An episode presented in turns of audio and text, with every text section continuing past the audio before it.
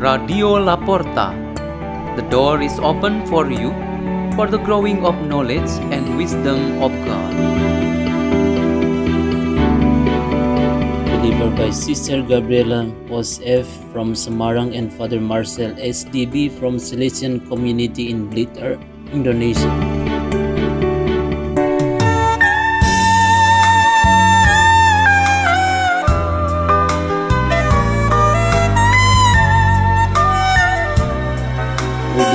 Meditation on the Word of God on Saturday of the first week of Advent, December 4, 2021.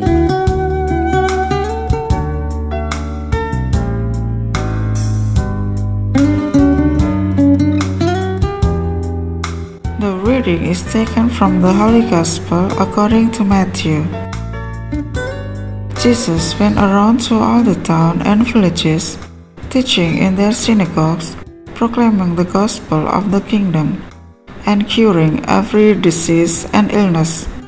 At the sight of the crowd, his heart was moved with pity for them, because they were troubled and abandoned, like sheep without a shepherd. Then he said to his disciples, The harvest is abundant, but labor are few. So ask the master of the harvest to send out labor for his harvest. Then he summoned his twelve disciples and gave them authority over unclean spirits to drive them out and to cure every disease and every illness. Jesus sent out these twelve after instructing them thus. Go to the lost sheep of the house of Israel. As you go, make this proclamation The kingdom of heaven is at hand. Cure the sick, raise the dead, cleanse leper, drive demon. Without cost, you have received, without cost, you are to give. The Gospel of the Lord.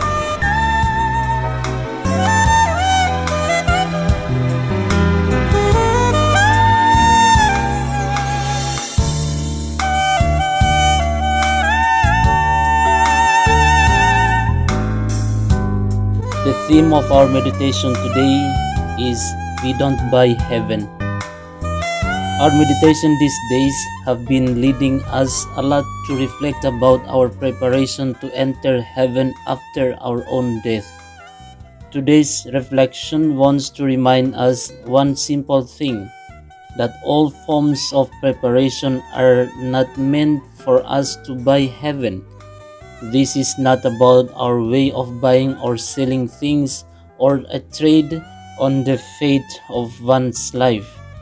If a person is very diligent in collecting a lot of money because he plans to later be able to buy an island as a place for himself and his family, that is called to buy what will become his own property. When God bestows us certain grace, we receive it as a free gift. For example, we are given the gift that helps us to see our future life, which is later to live with Him and the saints in heaven. All that depends entirely on His holy will.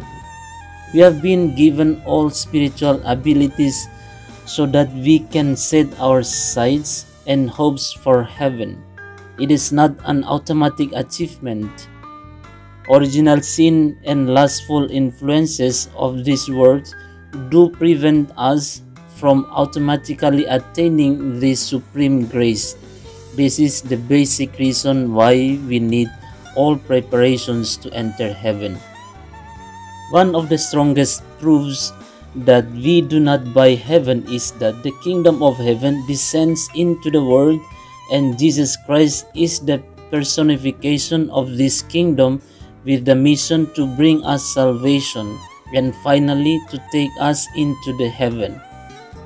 The duty of God's kingdom is to heal the sick, restore the suffering, establish the truth and justice for the oppressed, and to comfort sinner. It is clear that there is no element of buying with any item or material. We are instead defend, benefited, given convenience, and prepared so that when we enter heaven, we are qualified and welcomed. Every time we attend the Holy Mass, the moment before receiving the Holy Communion, we all make a sort of preparation, namely, by stating in joy and gratitude, Lord, I'm not worthy to receive you under my roof, but only say the words, and my soul shall be healed. This short exclamation is the representative of the real attitudes and experiences that highlight what we are now pondering that we do not buy heaven. Our attitude should be sincere and in great faith depend on God's providence. We show ourselves as the faithful who accept the presence of God's kingdom that always renews us in this life. Every time you express these words in the Holy Mass, remember and also mention the difficulties, weaknesses, suffering, and distress that you and your family are facing right now. Let the kingdom of God deal with them. Let us pray. In the name of the Father, and of the Son, and of the Holy Spirit. O Lord, may your kingdom and restore every suffering and weakness of our lives. Our Father who art in heaven, hallowed be thy name. Thy kingdom come, thy will be done on earth as it is in heaven. Give us this day our daily bread, and forgive us our trespasses, as we forgive those who trespass against us. And lead us not in temptation, but deliver us from evil. Amen. In the name of the Father, and of the Son, and of the Holy Spirit. Amen. Radio La Porta. The door is open for you.